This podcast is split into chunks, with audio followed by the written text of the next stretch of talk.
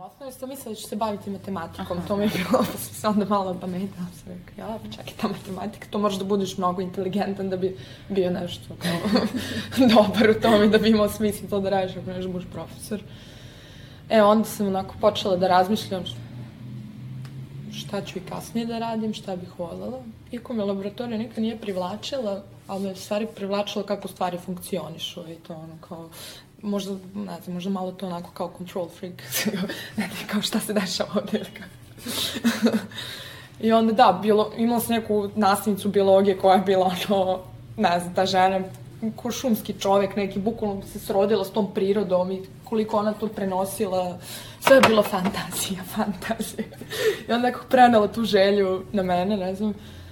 Da, i to mi je bilo kao, baš, um, kad sam završavala srednju školu, pa pišeš isto oni diplomski, i iz biologije sam radila, bilo istraživanje koje je bilo vezano za decu sa autizmom, i u stvari to više nije čak ni bilo biološki toliko, ali bilo biologički sam išli na takmičenje kao s tim radom, pa mi je ovaj rekao, to nije biološki rad. ali je bilo ono kao kako ishrana utiče, pošto smo mi pratili baš, ne znam koliko, četiri dečaka iz Kikinde, pošto sam poznala tu ženu koja radila sa njim, pa kao, ne znam, da li koriste tu gluten free dijetu, da uh, majke koliko su im bile stare kad su rodile, očevi i onda smo pravili tu neku korelaciju kao mm -hmm. i to mi je kao bio neki početak istraživačkog rada, ali onda na primjer mislim više su me zanimlj, zanimale te organske stvari i ovaj, da. Slušajte 38. Femkanje, sa nama je Marijana Rađanski. Molekularna biologičarka, trenutno student doktorskih studija u Kelnu. Marijana, dobrodošla u Femkanje. Bolje vas našli. da, danas pričamo o mitohondrijama. Imamo zadovoljstvo da nam je jedna naučnica sada u Femkanju, a s obzirom da se baviš molekularnom biologijom i molekularnom genetikom, a nam, nama je to onako poprilično strano. Mi bi krenule ono od um, osnovnih stvari. Sada rekla si kako je sve to počelo. Um, ti si upisala biološki fakultet u Beogradu u 2008. Onda si završila isto master u Beogradu tema ljudska molekularna biologija i trenutno si u Kjelu na institutu za genetiku. Da. E, ovaj, pa... Interesuje nas oblast tvog istraživanja, hajde da krenemo tako, Ovo, šta te najviše interesuje, pa... Um, Pa, ukoliko to trenutno istraživanje je povezano sa onim što te ranije interesovalo, možeš i tako da nam zaokružiš priču. Hajde da krenemo od toga što sada radiš, okay. pa onda ćemo neke osnovne stvari da proučimo sa tobom. Mitohondrije u suštini su krenuli da me interesuje kada sam već primljena bila na doktorat i onda su mi rekli da ću da se bavim mitohondrijama, jer jednostavno ima toliko stvari u molekularnoj biologiji koje su interesantne i mislim možeš da poludiš ako kreneš da ih istražuješ sve, tako da moraš nekako da se usmiriš, tako da možda i nije bila loša ideja kao da ti kaže izvoli sad pa gledaj kao šta ćeš. A zašto su mitohondrije interesantne? Pa zato što, mislim, one nam daju život, jer mitohondrije su glavne fabrike energije koje svi mi koristimo i poseban molekul života koji se zove ATP je nešto što mitohondrije proizvode i zvanično kada ne proizvodimo više ATP mi možemo nazvati mrtvima.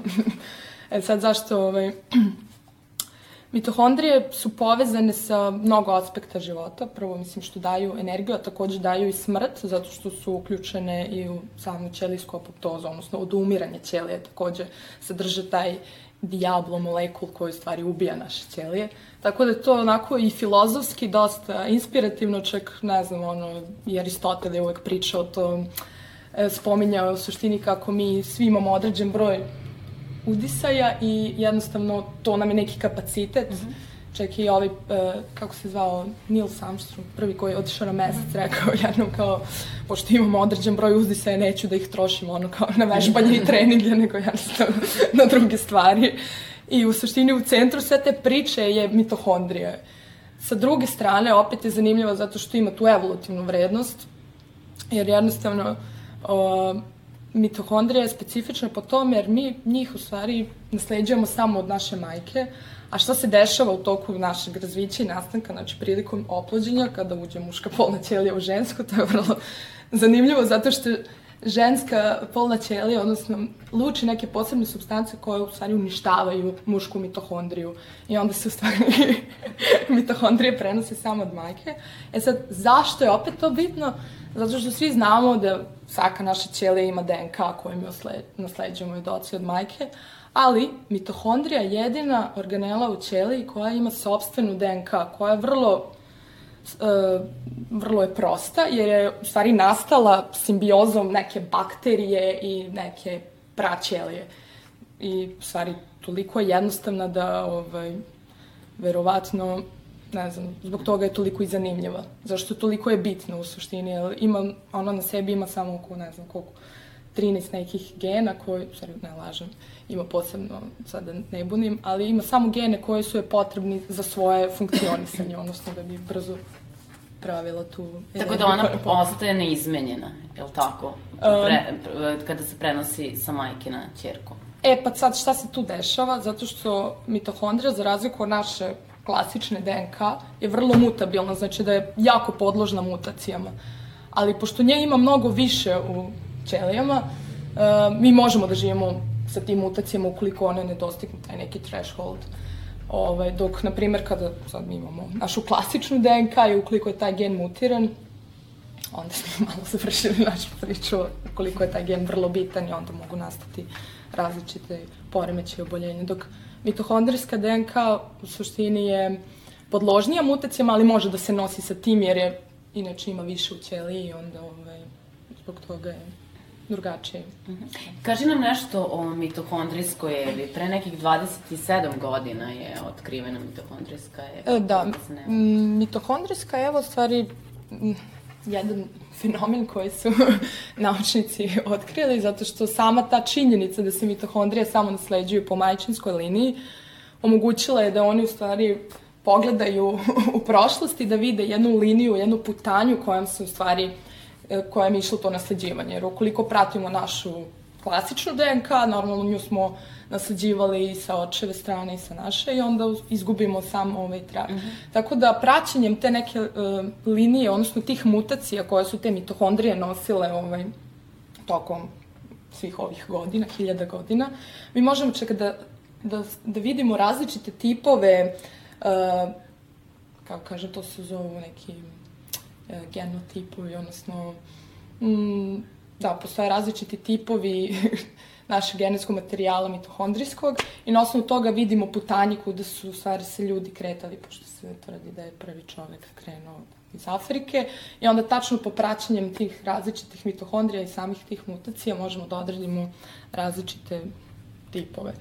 I to je u stvari tako nazvano mitohondrijska eva, zato što kada se vratimo u prošlost, onda vidimo da u stvari pomoću te naše pražene, u stvari koja je dala tu neku prvu mitohondriju, mi danas možemo da odredimo i same putanje kako smo se mi genetski razvijali, kako smo se. Mitohondrijska Eva je zapravo živela pre nekih 200.000 200 godina. godina, da. Tako. Da, da. Mm -hmm. I šta se dalje dešava? Zapravo ove ostale žene verovatno u tom nisu imale e, ženskih potomaka, pa se onda ta jedna žena smatra zapravo, zapravo da. mitohondrijskom. Da. Jer uvek moramo da mhm. krenuti nekog početka. Sad, šta na primjer meni nije jasno, jeste šta se dešavalo ranije, odnosno pre toga. Mm -hmm ali ove, da, to je samo jedna od tih zanimljivosti zašto je mitohondrija toliko specifična, zašto je bitna.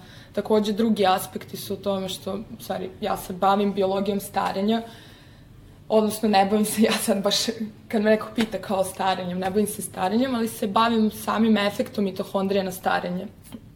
Jer jednostavno, uh, mitohondrija, kada, stvari, nam po, pomaže da živimo, da stvara energiju, da dišemo i sve to. Sa druge strane, pravi tu štetu zato što tako nastaju ti slobodni radikali koji uništavaju naše ćelije, reaguju sa različitim molekulima u našem telu i onda opet je to paradoksalno. I čak uh, sada, na primjer, su dokazali da kod, na primjer, nekih crvića malih, ovaj, ti slobodni radikali ne utiču uopšte na starenje, dok, na primjer, kod viših organizama to je drugačije. Tako da, nekada se čini da u suštini ništa nije povezano, da, je, da, da, da ne postoji jedan put za sve, nego da svako ima neko svoje pravilo ili, ne znam, vrlo je konfuzno. Hajde, se mene interesuje zapravo sada kada, kada je spomenula crviće i to, pa me interesuje kako funkcioniš zapravo studije, da li imate neke zamorčiće na kojima ovaj, vršite eksperimente? Da, to je moja slaba tačka, da. Da, imam zamorčiće od, ne, od nedavno i nisam baš srećna povodom toga, ali nekako kada hoćeš da se baviš ozbiljnijom naukom, moraš to da dokažeš na nekom organizmu. Ja sam ranije radila na ćelijama, na Institutu za molekularnu genetiku ovde u Beogradu, ali ova istraživanja koja mi imamo, znači moramo da posmatramo ceo organizam, ne možemo to da radimo na ćelijama. Tako da, da, ja ću da se bavim ovaj, miševima. A sad kad si spomenula Institut za genetiku i genetski inženjering, recimo što si radila tamo, pošto si tamo u stvari stažirala, završavala svoj da, master. master. Da, to je u stvari bilo moje prvo praktično iskustvo i da, baš sam srećna zato što sam upoznala divne ljudi koji su me uveli u taj svet istraživanja i tam mi se otvorio valjda apetit, pošto sam imala drugačiji plan. Moj plan je bio da odem u Holandiju, imala sam neku ponudu za posao u farmaceutskoj kompaniji, ja sam to tako prihvatila, ali onda sam u stvari shvatila da želim da se bavim istraživanjem i da nastavim to. Tamo sam, tamo se, smo se bavili, odnosno moje kolege se i dalje bave, um, korelacija između genotipa i fenotipa, što znači između našeg genetičkog materijala i, I same sredine, odnosno kako, kako se manifestuje neka bolest ili nešto, to je fenotip. Mi smo se bavili trombofilijama, odnosno poremećajima zgrušavanja krvi i tako što smo istraživali različite polimorfizme, odnosno da prevedemo možda jednostavnije, da kažem mutacijama, da, da, to je u stvari promjena u genetičkom materijalu. Uh, I uspostavljali smo korelaciju između tih mutacija posebnih i samog fenotipa trombofilije. Mm, kada nađemo nešto što nam bude zanimljivo, kada uočimo da se, na primjer, te trombotički događaj javljaju češće kod nekih pacijenata i kada vidimo da imaju neku promenu u DNK, onda dalje hoćemo da ispitamo u suštini kako ta mutacija dovodi do te same promene, tako da se moja koleginica, njen doktorat se u stvari sačini toga, tako da sam se ja predluži, pred, pridružila čisto da vidimo ovaj, kako, kak, kakav je put ono, pri takvom istraživanju. I to je bilo vrlo lepo, zato što to je ćelijska biologija, bavim, bav, baviš se na nivou ćelije, u stvari gledaš kako DNK utiče na promenu samih proteina, odnosno pošto DNK kodira e, DNK sadrži gene, a geni u stvari nam daju proteine koje u stvari sve obavljaju našim ćelijama. A nešto mene interesuje sada, šta se dešava sa tim rezultatima istraživanja u Srbiji? Pošto imamo sad da te, na ti naučni instituti zapravo da. nemaju neku aktivnu ulogu. Uh, pa šta se dešava? Ja iskreno mislim, mislim imamo super naučnike koji dosta... da, otprilike. Mislim, na primjer, na mom institutu dosta se, dosta se pišu radovi, dosta se radi, ali opet m, mislim da ne postoje takvi uslovi kao i da ti možeš da stvarno objaviš neki bitan rad o nekom bitnom časopisu. Naprimer, ovde u Kelnu uh, doktoranti ne, nemaju tu obavezu da napišu rad da bi doktorirali, ali zato oni rade sve, sve te doktorske studije, oni rade da bi napravili jedan veliki rad i onda ga objavili u Nature-u mm. ili Cell, koji su vrlo prestižni časopisi. Dok ovde, ovde ti nametnu da ti moraš da objavljuješ, da bi se tako rangirao i na osnovu toga te i plaćaju i ti dobiješ poene i onda ljudi non stop samo pa pišu, objavljuju, da, mm. i onda opet taj kvalitet rada, mislim da ne može da se poredi sa šta sam imao, mislim imao sam priliku da vidim šta ljudi objavljuju u inostranstvu i šta objavljuju ovde. Ali opet kažem da mislim da su, da kad bi uslovi bili ovde bolje, da bi ljudi mogli ozbiljnije da se bave naukom. Sad je čak nedavno bilo mm, ono, sakaćenje budžeta za naučnike, tako da smo, ne znam, moj institut je dobio valjda 3000 evra za cijelu godinu ili tako nešto. Ovde, ovde, Beogradu. Što od toga otprilike možeš da kupiš a, hiruške rukavice za cijelu godinu i ne znam, možda platiš neku pretplatu za Kopson. Da, i Kopson su htjeli da nam ukinu, odnosno, a cijela nauka u stvari u čitanju radova i dobijanju ideje i onda se kao, kao nećemo vam plate dirati, ali evo, kao, nemojte bušiti onda. Čemu? A sada u Kelnu su, je situacija, pretpostavljam, drugačija. Da, da. Tamo jednostavno ti je potrebno samo malo želje, malo interesovanja i onda ovaj, imaš sve ostalo. Vrlo je stimulativna sredina, znači mnogo se putuje, uh, ideš na različite konferencije, dobijaš različite ideje, uh, imaš para za sve, znači pored o, projekta ko ti, koji... da, ko ti daje stipendiju? Uh, ja sam imala sreću da sam dobila stipendiju evropskog projekta, to je Marija Kiri stipendija koja mislim da je najča stipendija koju može doktorant da dobije u oblasti nauke. A sad različiti instituti daju svoje stipendije, čak nekada i sam šef uh, te plaća ukoliko je zadovoljan tvojim radom i on ti daje mm -hmm. platu. I da li imate neki link, koliko, koliko traju u proseku doktorske? Pa moja da. stipendija, na primjer, traje tri godine, ali znači niko ne završi za tri godine, uglavnom su četiri ukoliko se nisi ranije bavio tom tematikom i onda tu četvrtu godinu te šef plaća, to jest mm -hmm. on te zaposli normalno i to je otprilike četiri godine. I kako su tvoje očekivanja po tih doktorskih studija, s obzirom da si krenula tek pre par meseci? Da, pa nekako još imam taj strah jer je ovo dosta novo za mene i još sebe ne smatram nekim naučnikom, više mi je to ono kao opipavam sredinu da vidim šta će da se desi i imam taj, imam taj strah da ću na kraju saznati da, da nisam za nauku, ali kao i dalje, ajde, guram, guram. Ne znam, volila bih da, da, volila bih da, se, da, da, da me povuče i da se predam tome. Uh, još nisam krenula da radim kažem, ozbiljno, zato što moj projekat još nije krenuo, tako da je više ono upoznavanje, otprilike početak. Ali gledam svoje kolege i vidim koliko su oni u tome i onda jednostavno uvijek kao, že ja hoću da budem kao on, kao hoću da budem kao on. Toliko, toliko su u celoj toj stvari, a ja se još tako ne osjećam zašto sam tek na početku i onda mada imam, mislim, dosta želje da saznam, da otkrijem. Uh -huh. E, interesuje me kakva je pozicija naučnica, generalno? Generalno, ili tamo Pa generalno tvoje viđenje pozicije naučnica, da li se razlikuje u odnosu na situaciju u Srbiji i mm -hmm. ovaj, koliko su prisutne generalno? Pa ja čak imam osjećaj da je više žena u nauci, mislim, što se ti moje nauke. Jer ono, kad, kad šetam institutom, na primjer, to mogu da tvrdim za institut za genetiku, zato što tamo smo, to, kad imamo muškarca u laboratoriji, to nam je ono kao, je. A isto tako i u Kelnu, čak više, to jest u mojoj laboratoriji, da, mi smo, žene su brojnije dosta i generalno mislim da, da je više žena i da su nekako dosta posvećenije tome.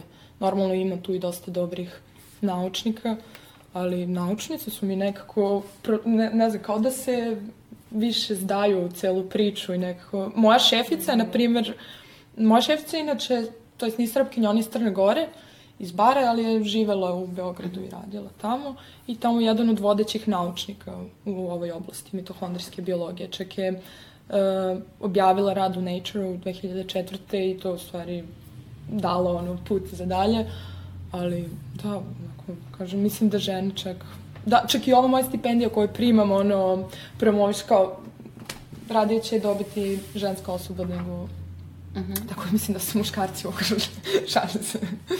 Ne. E, vratila bih se još samo na, na kratko na, na mitohondrijsku Evu i njen odnos sa Y-hromozomskim Adamom. E da, to sam ja čitala. Videla sam da taj uh, Y-hromozomski Adam da u stvari više. mnogo mlađi, od, da, da je on živo u u periodu između 60 i 90 hiljada godina. Mm -hmm. Da. Meni je nešto 190 i nešto, čini mi se, hiljada i 60 hiljada. Mm -hmm. I da ih je bilo više. Kako se to, ovaj, šta misliš kako se to desilo?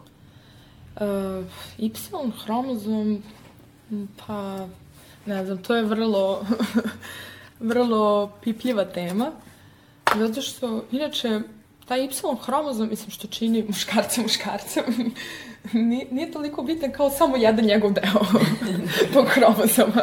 I, ovaj, I onda, mislim, nisam se toliko nikada zapitala u stvari o tome dok, da, dok nisam čitala jednu knjigu uh, od Meta Ridleya Genom, koja je u stvari na, sačinjena tako da, da su poglavlja u stvari hromozom i svaki hromozom nosi svoju priču. I onda taj Y hromozom je bio na kraju.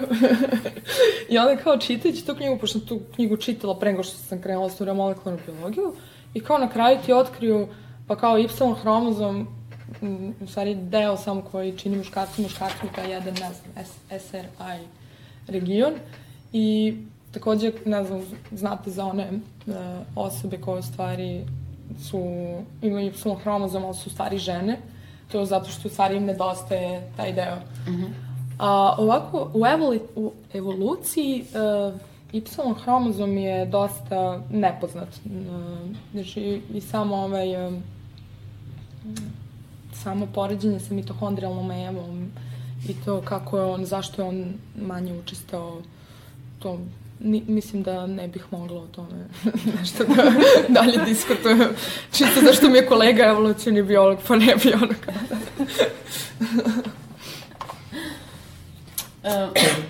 Koji, koji su osnovni, osnovni uh, problemi vezani za izučavanje evolucije trenutno? Šta najviše muči naučnike? Evolucije? Mhm. Uh -huh. Trenutno? Pa mislim to što ih muči trenutno da ih je mučilo od uvek. Zato što je evolucija ti možeš da imaš različite ideje i hipoteze, ali normalno da je vrlo teško da simuliraš uslove koje su nekada postojali. Za mene je evolucija jako lepa lep, lep deo nauke, zato što svemu daje smisao i samim tim što, na primjer, molekularna biologija odgovara na pitanje kako, ne znam, evolucija u stvari odgovara na pitanje zašto, zašto se nešto desilo. I onda postoje različite teorije, no, normalno rade se i različite eksperimenti, ali mislim normalno da je nešto najteže što, što u evolutivnoj biologiji, što nikada ne možemo da simuliramo prave uslove da bismo 100% tačno što mogli nešto da utrabimo, da, tako da je to više na osnovu iskustva koje dobijamo u nekoj svakodnevnoj nauci, e, dolazi do novih ideja i te ideje u stvari predstavljaju različite hipoteze. Ali da, moj kolega evolu, evolutivni biolog, evolucijni biolog, se trenutno pridružio nama u Kelnu na tri meseca i on se bavi um, seksualnom selekcijom i um, radi na bubicama. I vrlo je zanimljivo zato što, da, Rekla si nam da pre emisije da je u Kjelnu trenutni trend biologija starenja i da se svi nekako naučnici okupljaju oko, oko, to, e, oko te teme. Pa me interesuje da nam kažeš malo, ne, malo nešto o tome.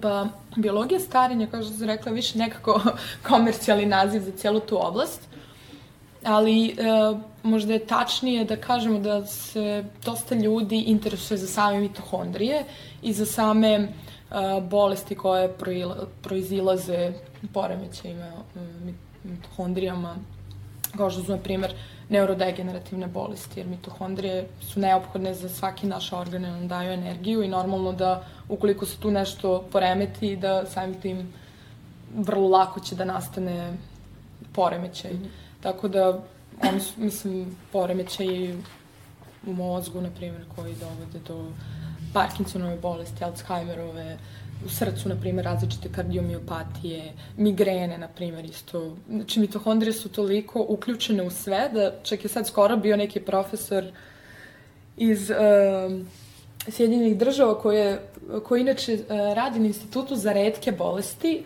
koje su u stvari prouzrokovane poremećima mitohondrijama i on je nas toliko obeshrabrio zato što je rekao, znači mitohondrije dovode do svih ovih poremećaja i mi ne znamo ništa jer ne postoji neko određeno pravilo i, i mitohondrijske bolesti je jako teško tretirati jer um, sama ta njihova mutabilnost i što ih ima mnogo, ne mogu da se selektuju i ne možeš da primeniš gensku terapiju, na primer, zato što ih jednostavno ima mnogo. I ovaj, ne možeš tačno da selektuješ ono što hoćeš da izmeniš i tako da to da to, to vrlo jedno izazovno polje i, i mislim da zbog toga se i mnogi interesuje zato što da. Znači cilj celog tog istraživanja biologije starenja jeste sprečavanje bolesti.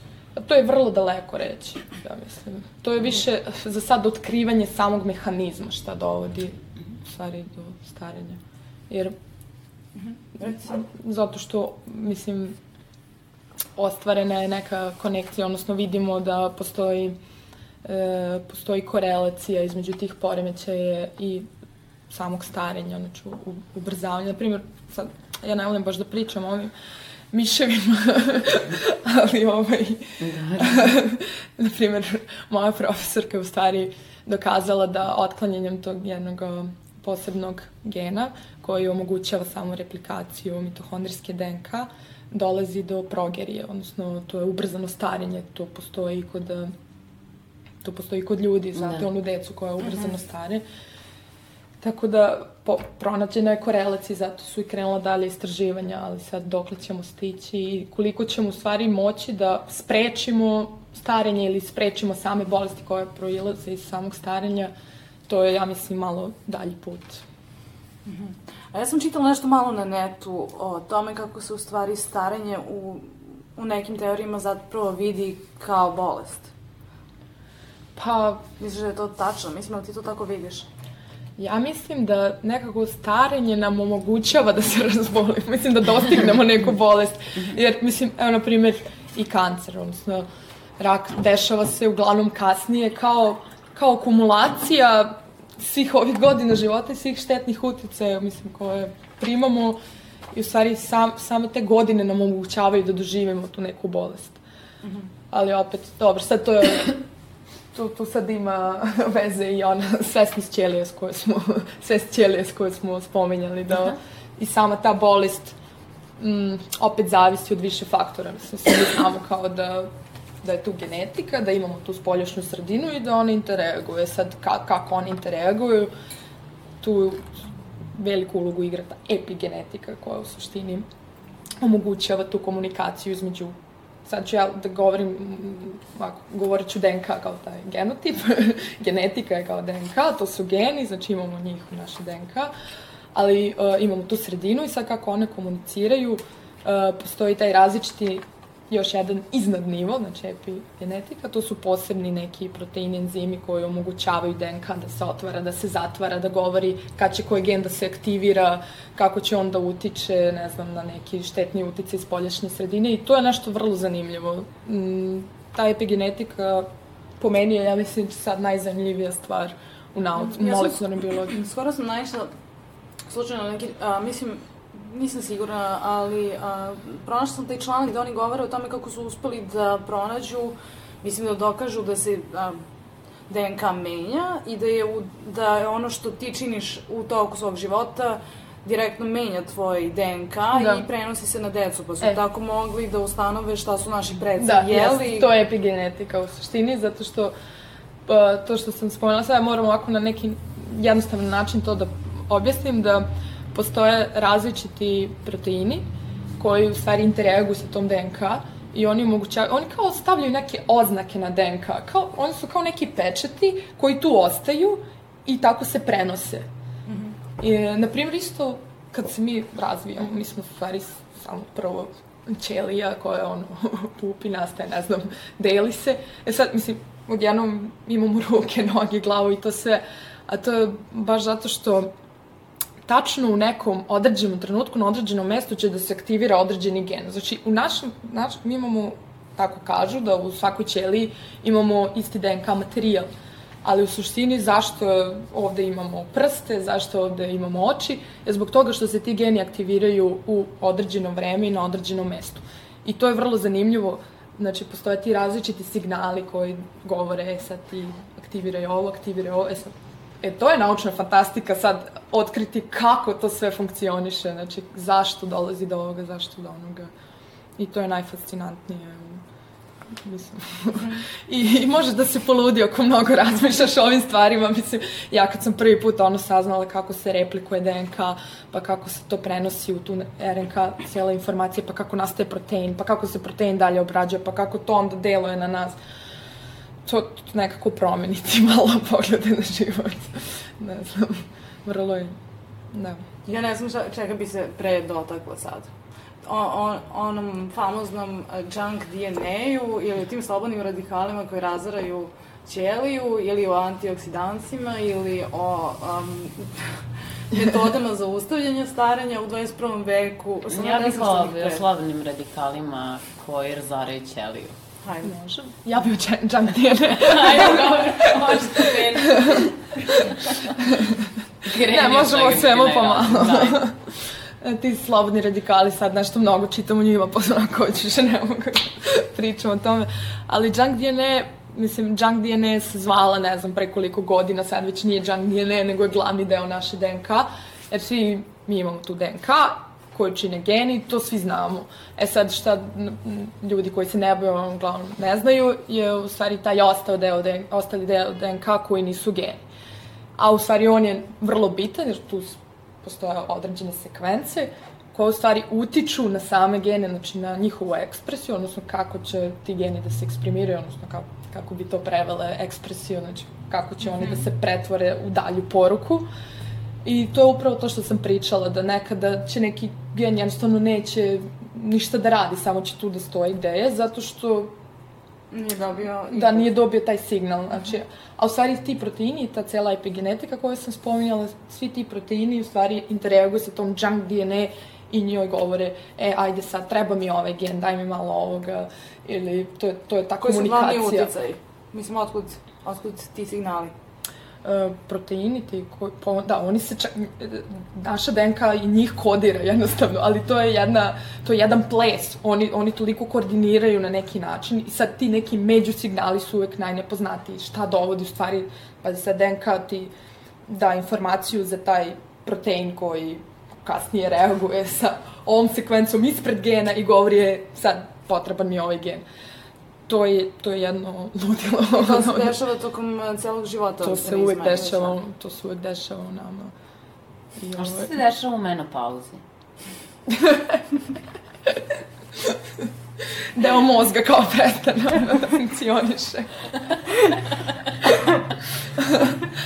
to su već hormoni. da, pa hormoni, hormoni su isto jedna ludnica, kao i sve ovo. Ali dobro, to, to mislim sad ne bi mogla na nekom velikom stručnom nivou da govorim šta se dešava, ali svašta se de dešava se jedan koktel ono, u nama koji se totalno menja odjednom cijela sredina i onda, da, tako i mi odgovaramo na to. Nekog sad osjećam obavezu da nam kažeš nešto o slobodnim radikalima. Toliko slušam da, da. o njima i toliko se te priče menjaju, a kontam da bi mnogim ženama i značilo da čujemo možda malo više o tome. Da, pa meni je bilo zanimljivo, na primjer, kada meni moj profesor jednom došao na predavanje i rekao to što se vi tripujete ako popijete, ne znam, ceđeni sok od naranđe i kao unosite neke antioksidante da se bore protiv vaših uh, slobodnih radikala, kao to zaboravite, nije tačno. I onda smo se misli tako zbunili kao šta sad, pa kao šta su onda antioksidanci, kako se bori protiv slobodnih radikala. I čak nedavno sam ono čitala rad, da mi smo uvek mislili da vitamin C i vitamin E da su u stvari najveći borci protiv samih slobodnih radikala i samo kao u jednom radu pročitaš kao da, to u stvari nije tačno, znači nije pronađena ta korelacija. Čak su radili istraživanja, ne znam, na grup, e, bilo je, ne znam, nekoliko hiljada ljudi koji su ispitivali to su sve bili stariji ljudi, znači da su samim tim e, imali više slobodnih radikala u svom telu, jer sam, samim starenjem, odnosno dolazi do poremeća u tim mitohondrijama i samim tim se nagomilavaju te štetne materije, odnosno slobodni radikali i njih su dozirali sa vitaminom E i sa vitaminom C i suštini nisu utvrdili nikakve promene. Tako da, tako da mislim da je to više ono kao možemo svojim umom da se borim. Dobro, ovo sad nije baš nešto naučno što ja govorim. Ali, da, mislim, ne, ne, ne znam šta bih rekla, mene, mene takve stvari mnogo zbunjuju. znači ne znamo čime se boriti protiv slobodnih radikala?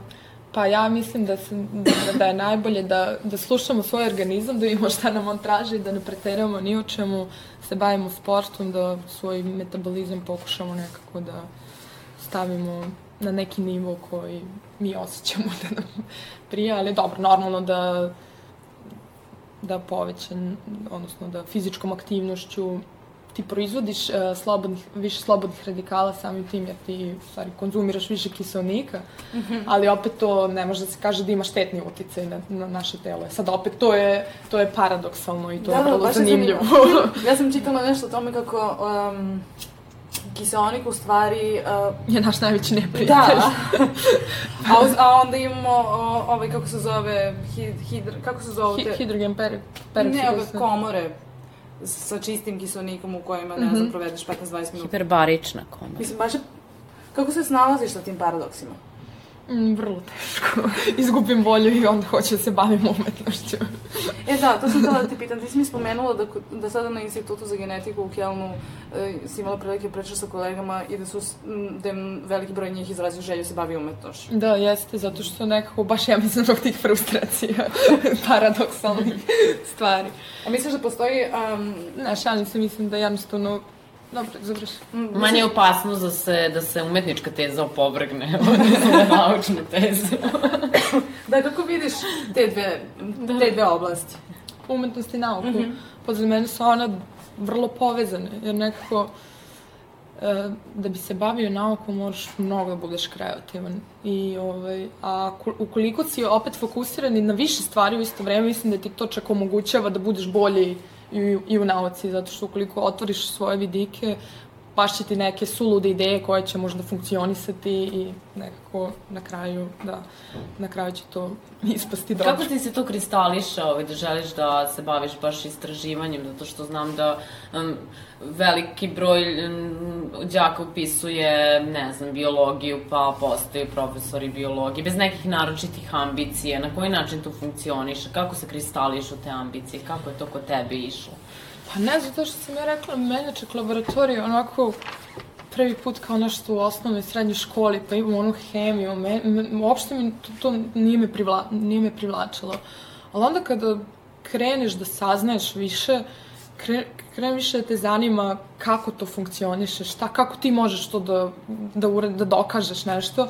I onda prvi put kad, znači, kad sam ja prvi put došla u laboratoriju, kad sam videla da ti, ti možeš kao da, da, da vidiš tu mutaciju, odnosno kao možeš da vidiš da li ta DNK kao to, to sve deluje kao naučna fantastika, ali vidiš da funkcioniše i onda ti se otvara apetit e sad, sad bih mogla i ja ovo da probam, sad, jo vidi, pa ovo može ovako, kao, za mene to, mislim, za mene i dalje to sve naučna fantastika i kad me neko pita kao, pogotovo, na primjer, moj dečko koji je grafički dizajner, ima više, im, mislim, ima više interesovanja i uvijek mu je zanimljivo da saznati što se ja bavim i onda kad on krene da mi postavlja neka pitanja, na primjer kao i vi, onda ja shvatim koliko ja u suštini ne znam opšte o tome čim se bavim, ne samo čim se bavim, nego u celoj toj na, nauci kojom se bavim.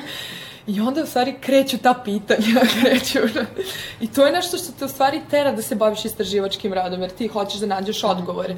Ukoliko... Ti si se bavila uh, istraživačkim radom i pre nego što si upisala uh, fakultet ili te godine, 2008. Uh, deca sa autizmom u Kikindi. Da, to više nije, mislim, nije bio baš A, biološki da ti to prvi, prvi istraživački Da, da, to, to, to je bilo nešto što, da, da, to je bio moj prvi istraživački projekat, ali to je mogu čak više da to kažem da je to bila neka psihologija i biologija povezane zajedno, ali opet je to nekako uvede mhm. kako ćeš da pristupiš nečemu, šta hoćeš da istražuješ, šta očekuješ da dobiješ.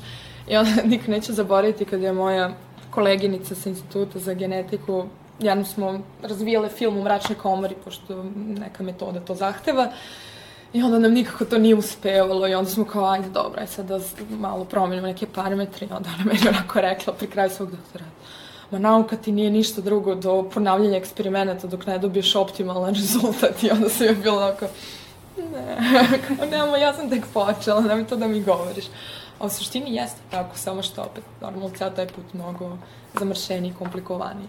Ali na kraju se to je nešto vrlo repetitivno. Dok, Te iste godine, 2008-2009. primala si stipendiju Rotary kluba. Molim te, reci malo nešto više o toj stipendiji. To, to, to je samo za brucaše ili... Da, to je bilo, da, to je bilo samo u prvoj godini i to je, joj, ste zaboravila, da, to je bilo na foru toga što su oni gledali u toj generaciji, kao su tražili najbolje mhm. studente, uh -huh. uslov je bio da si išao na neko takmičenje, da si osvojio neku nagradu i da, i gledali su pojene sa prijemnog mhm. ispita. I onda, pošto sam ja tu kao bilo dobro rangirana, onda su mi izabrali. Ali to, da, to je bilo davno. Isto tako si učestvovali na republičkom takmičenju iz biologije. Da, iz biologije, to je kad su mi rekli. Nisam. pa, ja sam našla si osvojila. A to ne, to je bilo na regionalnom, je bilo prvo na republičkom, su mi rekli da mi rad nije biološki, taj sa autizmom. I onda smo na kraju e, taj ispitivač priča sa mnom o filmovima i ispitivao koliko sam upoznata sa autizmom u filmovima i tako da. Kako se izgledala ta takmičenja? Da li su bila teška, komplikovana? Koliko si zapravo budućih naučnika, naučnica upoznala na tim takmičenjima? Da, dosta mojih kolega je u stvari išlo na ta takmičenja. I ovaj, da, izgledale su tako što mm, imaš teorijska pitanja koje su bile iz učbenika uglavnom, koliko se sećam to mi sad kao neki drugi život, ono. A drugi deo je bio taj istraživački rad. I onda, ovaj, ja sam stvarno bila, ono, mislim, s tim mojim radom, čak sam se razmišljala da li uopšte da odem na taj deo, zato što kad sam videla šta su druge dece, dece radila, to jest oni su se bavili pravim nekim istraživačkim radom, više, više to bilo organski, dok sam ja više tu nešto filozofirala. Da, i na kraju su to bile moje kolege. da htela da te pitam. Ali mene je zanimljivo, mislim, zato smo ti pozvali emisiju, zanimljivo mi kako zapravo ti imaš široke interesovanja. I, mislim, pretežno, što mi je karakteristično za tebe je da si radoznala, tako da kontam da nakon ovih doktorskih studija možemo da očekujemo opet nešto. Nadam se. A, ka, kako da tačno glasi tvoja doktorska teza? Mislim, ili to još Pa nema, nemam tačan naziv, znam samo tematiku kojom ću se baviti. To je u stvari m, sam mitohondrijski stres, što znači okoliko, znači neki poremeć mitohondrijama i kako on, kako taj mitohondrijski stres utiče tkivnu specifično, znači u različitim ovaj, našim organima, kako se manifestuje kroz šta. To je neki najjednostavniji način, sad da ne bi komplikovala detaljnim objašnjenjima, zato što čak ni meni još totalno nije iskristalisano. Ja, imaš neke ciljeve vezane za te programe? Da, da, mislim, kažeš nije ti se još iskristalisalo, ali kao koji da. su tu neki segmenti gde bi volala da na, napraviš ne, neko otkriće? Pa, ja, na primjer, sve više i više, uh, kada posmatram svoje ta interesovanja vezano za nauku, uh, volila bih da, da se povežem sa kliničkim ispitivanjima, nekako nekad čak malo i frustrirajuće kada daš sebe toliko mnogo i na kraju iz toga ništa ne ispadne. I onda mi opet a i medicina me uvek zanimala, ne znam zašto, možda zašto sam malo hipohondrična ili to, ali uglavnom, mm, onda mi to postaje malo upipljivije. I vrlo, vrlo bi mi bilo interesantno, na primjer, da radim na, e, da radim tu diagnostiku nekih malo ređih bolesti, da vidim kako u stvari da povežem tu mitohondrijsku bolest i stvarno kako se ona mitohondrije sa bolestima i da vidim kako se manifestuju ti poremeće i da vidim u stvari da mogu nekako da ublažim, da, da u stvari doprinesem u, pošto ja mislim da mitohondrijske bolesti su vrlo daleko od toga da mogu budu lečene, ali mogu biti nekako odlagane ili mogu biti ublažene. I to bi mi bilo, na primjer, zanimljivo da se povežem sa tim nekim kliničkim ispitivanjima u budućnosti. Ali opet, nikad se ne zna, tek sam na početku, tako da vidjet ćemo. A interesuje me starenje i dalje i šta, šta se to promenilo u evoluciji odnosu na, ne znam, ono, stotine hiljade godina ranije i sada i da li ćemo možda sporije stariti u budućnosti i kako ti vidiš evoluciju, kako će čovek evoluirati? Malo smo, nisam sigurna da smo to snimile. Uh, govorila si o tome da postoji limit u starosti koji mi možemo da dostignemo. E, pa da, smatra se da, posto, da postoji taj element. Sad, opet, postoji više teorija, ali jedna od tih teorija uh, jeste starenje zbog uh, posebnih uh, struktura u našim ćelijama koje se nazivaju telomere. I odnosno, m, kako mi, star, odnosno kako smo stariji, E, to znači da su se, da se više naših ćelija promenilo, replikovalo, ali opet to ne može da ide u nedogled, odnosno sa svakom replikacijom, sa svakim, sa, sa svakim, da, sa svakom deobom ćelije, gube se određeni segmenti našeg genetičkog materijala i normalno to ne može da se odigrava u nedogled zbog toga postoje, različ, postoje posebne te strukture na kraju naše DNK telomere. Koje pokušavaju da nadoknade te gubitke, ali opet uh, postoji, postoji neki kapacitet same, same deobe ćelije. I da, nešto na čemu se sad vrlo intenzivno radi jeste ta biologija telomera i kako u stvari m, kako bi mogli da tu nešto izmanipulišemo da samim tim usporimo to gubljenje informacije. A ti si spomenula da je tvoja će... šefica na institutu u Kjelnu dokazala da odstranjivanjem mehanizma deobe koji, eto, čini da starimo, zapravo ubrzava starenje. A, ne, to, to je bila druga priča, pošto ovo sad što sam ja pričala, to je naša, će, a, a, to je naša DNK iz jedra, nukleusa, a šta je ona radila je u stvari... A, ona je mutirala gen koji omogućava replikaciju u mitohondrijama, pošto smo Aha. rekli da mitohondrije imaju svoju posebnu DNK i u stvari je dokazano da su ti miševi ubrzano starili i to se može povezati sa tim fenotipom progerije kod ljudi, odnosno kod dece koje ubrzano stari. Uh, interesuje me sada kada si, kada si pomenula miševe, pa bih se vratila na to, da li postoje ne neki limit, ono, u, da li u zakonski postoji da, neki da, da. limit? To je u Nemačkoj, sada je izašao novi zakon od ove godine, ko, mislim, to je za cijelu Evropu, za Evropsku uniju. To je bilo, mene je bilo čekao u nekom trenutku, mislim, ja stvarno ne volim to što moram da ubijem miša, ali opet, ako hoćeš da se baviš ozbiljnom naukom, moraš to da uradiš i da pregrmiš i ne radiš to vrlo često baš zbog tih regulativa. Regulative vrlo su strikne u inostranu, mislim, kod nas ni ne znam ko se bavi više toliko. Ali ovaj, tamo se sve ček stavili, to mi je bilo smešno, kao sad ne znam šta, kako, kako na koji način smeš da ubeš miša, šta moraš da radiš dalje sa telo miša i na kraju te miševe koje u stvari, jer mi koristimo miševe kojima menjamo genetički materijal. Oni su zovu transgeni miševi, znači da ti izbaciš neki gen, jer ti na taj način možeš stvari da vidiš čemu taj gen služi. Ako vidiš da ga nema, onda znaš šta se dešava i vidiš koja je njegova uloga od prilike. I to su miševi koji se razmnožavaju u laboratoriji? Da, da, da. da. Znači ti miševi koštaju mnogo, ja ne znam, to je nekoliko desetina hiljada evra samo za tu jednu liniju. A, da, to što sam krenula... liniju. to što sam krenula da kaže, jer ti uvek, kada se baviš istraživanjem, znači imaš, to se zove wild type, znači to je taj normalan miš koji nema nikakav, nikakvu mutaciju i imaš svog knockout miša kojim si nešto izbacio i njih porediš na osnovu toga praviš rezultate. E sad kad završiš ti svoje istraživanje, Uh, I sad ostaviš te, mislim, miševi ti više ne trebaju i oni su u regulativi stavili kao mora da postoji kao neki penzioni doza miševe, znači mora kao da ih staviš u neki posebni retirement house, kao, znači ne, ne smeš ono da ih ubiješ ili ništa. Čak, da, ne, uh, ranije, ne znam, koristili su te miševe kao hranu za životinju u zoološkom vrtu, ali sada, pošto ništa što je uh, menjen genetički materijal, ti ne smeš ovaj, dalje da ti u stvari zagađuješ sredinu time, znači ne smeš ono, čak postoje ono posebni kontejneri za sve to što čemu je menjena DNK. I onda tako, da, što se tiče što se tiče radi sa životima, to je vrlo regulisano tamo i tačno, mm, da. Sad sam se setila da sam videla u tvom rezimeu da u, u svojim skills, kako se to kaže? Da. Postoji kloniranje.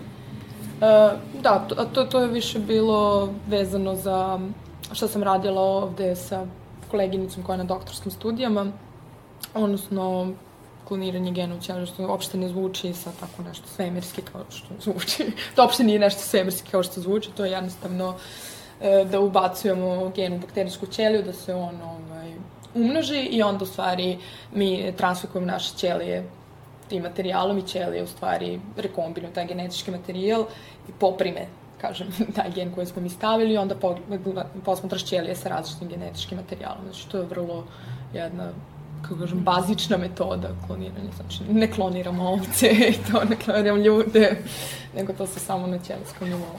Mhm, a na čemu ovi vrše eksperimente ovde u Srbiji? Na miševima isto tako? E, pa ne, ovde uglavnom, sad, ja ne znam nešto mnogo laboratorija, na primjer, na našem institutu mi nemamo taj animal facility, tako da tamo samo do ćelija se radi. Isto na mom fakultetu ima laboratorij, da, u stvari na mom fakultetu ima laboratorij za fiziologiju, oni radi na mišljima, to je više neurobiologija, zato što jednostavno potrebni su im, mislim, potrebni im mozak, neuroni, to sve. Da, radi na miševi, to je oni radi na pacujima, uglavnom. I mislim da niko ne radi na crvima i mušicama ovde, nisam sigurna. Možda ne ibisu, ali to ne... Znam da ovaj kolega sa ibisom radi na bubicama, radi na biljkama, tako da, mislim, klasično kao što to, to, to što se koriste uglavnom. A zašto se baš te životinje koriste? E, da, zato što one imaju nevrovatnu homologiju sa našim genima. Naprimer, sam miš, ono ima preko 90% homologije sa našim genima, a mušica, mislim, mušica, mislim, ko jedva vidiš, ono, golim oko, ima oko 50. 50% homologija sa našim genima, crv je tu negde između, ali, ali oni su vrlo super zato što, na primjer, crvi brzo se razmnožavaju, brzo daju potomke, čak možda i menjaš, možda i menjaš genetički materijal tako što ih hraniš bakterijama kojima ubaciš, ne znam, neku posebnu mikro RNK i oni tako što se hrane mogu da, u stvari, uh, rekombinuju svoj genetički materijal i onda to to ludo. I uglavnom, tu ni ne primetiš da radiš sa organizmima, zato što, mislim, njih non stop gledaš pod mikroskopom, tu ih nešto... I to je u stvari kao rad sa ćelijama. Ja, kako se, aha, kako se mutira gen kod ljudi? Uh, kada hoćeš da... Uh mhm. -huh. Znači, to može da se radi na više načina, uglavnom postoje različite metode, na primjer sad možeš da inseriraš unutra, pošto onda mora krenemo od PCR.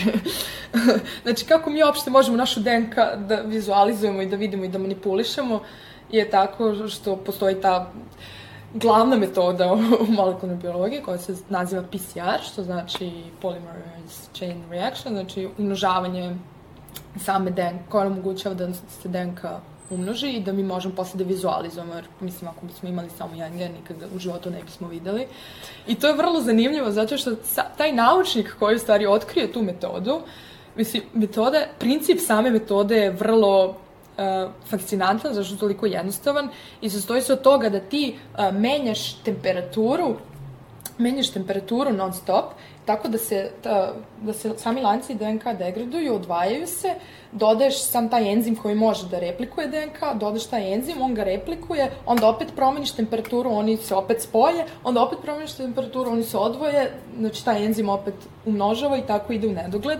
I taj naučnik Kerry Mullis se zove, je upisivao u stvari kako je on došao do to svoje eureke, bio je na LSD-u i onda je kao šetao jednim potokom, ne znam nijak gde, i ne znam, video u tom potoku te onda je pomislio na neke posebne termofilne bakterije koje imaju taj enzim polimerazu za umnižavanje i onda u stvari došao na ideju da bi u stvari on mogao da formira tu metodu i onda, to, meni uvek, i onda je uspeo i, i mislim zbog toga sve ovo možemo da radimo. Inače nikada ne bismo mogli da manipulišemo DNK. LSD. Ja, da, ja tu informaciju da je on na LSD-u to otkrio učite u školi. Da, a znaš što imam jednog, imala sam jednog sjajnog profesora koji je u stvari nam je Da, onda nam je tako jednom pokazivao, ja vidite, ovaj je otkrio ovu metodu, on se bavi grafičkim dizajnom, kao ovaj ovde se bavi, ne znam ja čima i tako. I onda je to vrlo zanimljivo kad vidiš da ne moraš uvijek da se baviš baš jednom pitanje, nego možeš tako da... Mm, htjela bih sad samo da se osvrnem na trenutak na ovaj članak koji skoro izašao povodom dodeljivanja Nobelove nagrade Higgsu povodom um, ovog njegovog Božanske četvrti. Mm -hmm. Da, oni posle u intervju, nakon dodele nagrade, so, mislim, da ne zalazim dublju priču, on, je, on je rekao da, da je to svoje otkriće uspeo da je uspeo da dođe do, do tog otkrića 60. godina zato što je imao dovoljno vremena i kada bi sada aplicirao za profesorski uh, za Profesor. mesto profesora, da.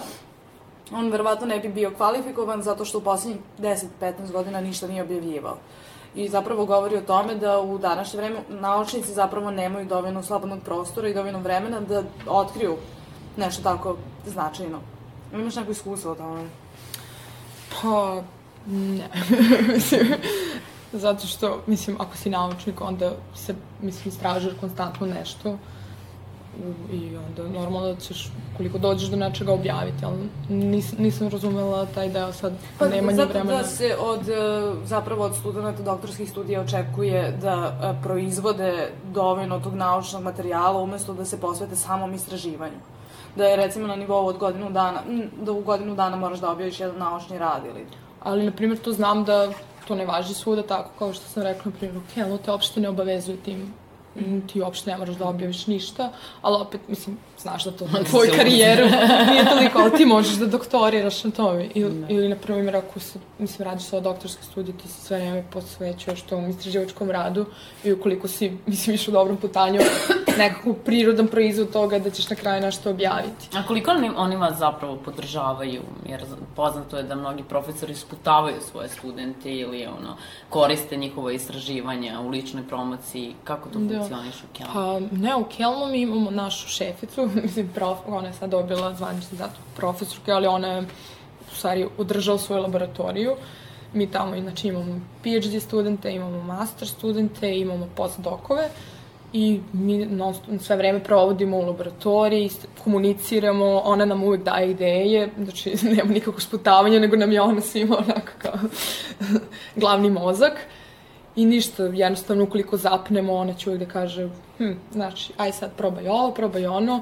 I svi smo kao tim, na kraju normalno da oni koji najviše radio imaće ovaj, svoje ime prvo na publikaciji i tu ti niko neće oduzeti. Mislim, bar tamo, mislim, i ovde isto koliko znam ljudi koje sam ja upoznala što se toga tiče. Sad normalno da postoje različite Meni je zanimljivo, evo, pošto u našem studiju KTCK smo udomili kartonskog Viktora Trojickog, zanimljivo mi sad, pošto si pomenula i tog naučnika na LSD, zanimljivo mi kako u sportu postoji doping testa u nauci i umetnosti.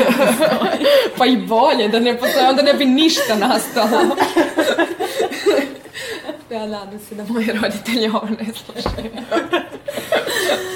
Ove, pa ništa, ja bih ti postavila, mislim, ne znam Katarina da li imaš još nešto da pitaš ili možemo da postavimo naše poslednje pitanje. Mm -hmm. Mada si načela tu, tu temu i ovaj, nešto pre, ali ovaj, naše pitanje je kako vidiš svoju budućnost? Ja, ne znam, sve mi je mutno i dalje. Ne, ne znam, to što, to što sam rekla, stvarno ne znam da li, da li ja pripadam ovom svetu, da li sam ja stvarno kapacitet za nauku, to je da li sam kapacitet, nego da li ću se pronaći u tome, da li, ću, da li će me poneti. Mislim, za sad me vuče, ali ne, ne znam kako će to izgledati na nekom višem nivou, tako da vrlo sam otvorena za svoju budućnost. ne znam kojom ću putanju krenuti. Ono što znam je da bih volila da nastavim da se bavim istraživačkim radom, da li to bila molekularna biologija ili nešto drugo, ali nešto što što može da te inspiriše svaki dan. Što ne, ne, ne, ne, volila bih da se bavim nečim što ti omogućava da svaki dan naučiš nešto novo, a to, to jeste nauka, jer uvek je dinamično, uvek se nešto dešava, uvek pročitaš nešto novo, uvek te nešto novo zainteresuje, povuče, O, evo, sad sam shvatila, hoće da se bavi naukom. da, mislim da je baš super što si tako otvorena, zato, mislim, jel to otvara dosta mogućnosti za pronalaske? Da, tako. I isto sad ovaj, nešto što sam onako ranije zapostavila, pošto kad sam bila mlađa isto sam tako htela mnogo stvari, on se shvatila to ne funkcioniše. Svirala sam klavir m, baš, ne znam, 7-8 godina, što ne lažem, 6-7 godina. I onda sam uvijek mi to tako bilo tužno što sam prestala zato što nisam mogla da se fokusiram, ali skonto su koliko to mene isto ispunjava. I sad konačno tako u tom Kelnu, pored sve te nauke, pronašla sam profesorku ovaj, klavira i to ponovo hoću da krenem onako za svoju dušu. Tako da, ne znam, na kraju možda budem radila tamo s kadarljem u nekom restoranu. Nikad se ne zna. Ja sam htjela da bacimo, da bacimo ovu magičnu kocku, da vidimo da, da li ćemo Katarina i ja ovaj, uspeti da zaustavimo staranje naše. ja, hm, mogući odgovori su take a break, no, yes, tomorrow, femkanje, maybe. Yes! Odlično. I još za kraj, reci nam uh, koju si autorku i sveta muzike izabrala? Uh, pa Fever Ray, Uh mhm. -huh. U stvari, tu je pevačica iz The Knife, samo što ovo bio prvi samostalni album Karin Anderson, da. Uh mhm. -huh. Ove, ovaj, jel treba da kažem i pesmu? ne, ne, ne, ne, slušamo cijel album, da. Okay. Hvala ti što si bilo gošća Femkanje. Hvala vam. Slušali ste 38. Femkanje Chào chào. chào.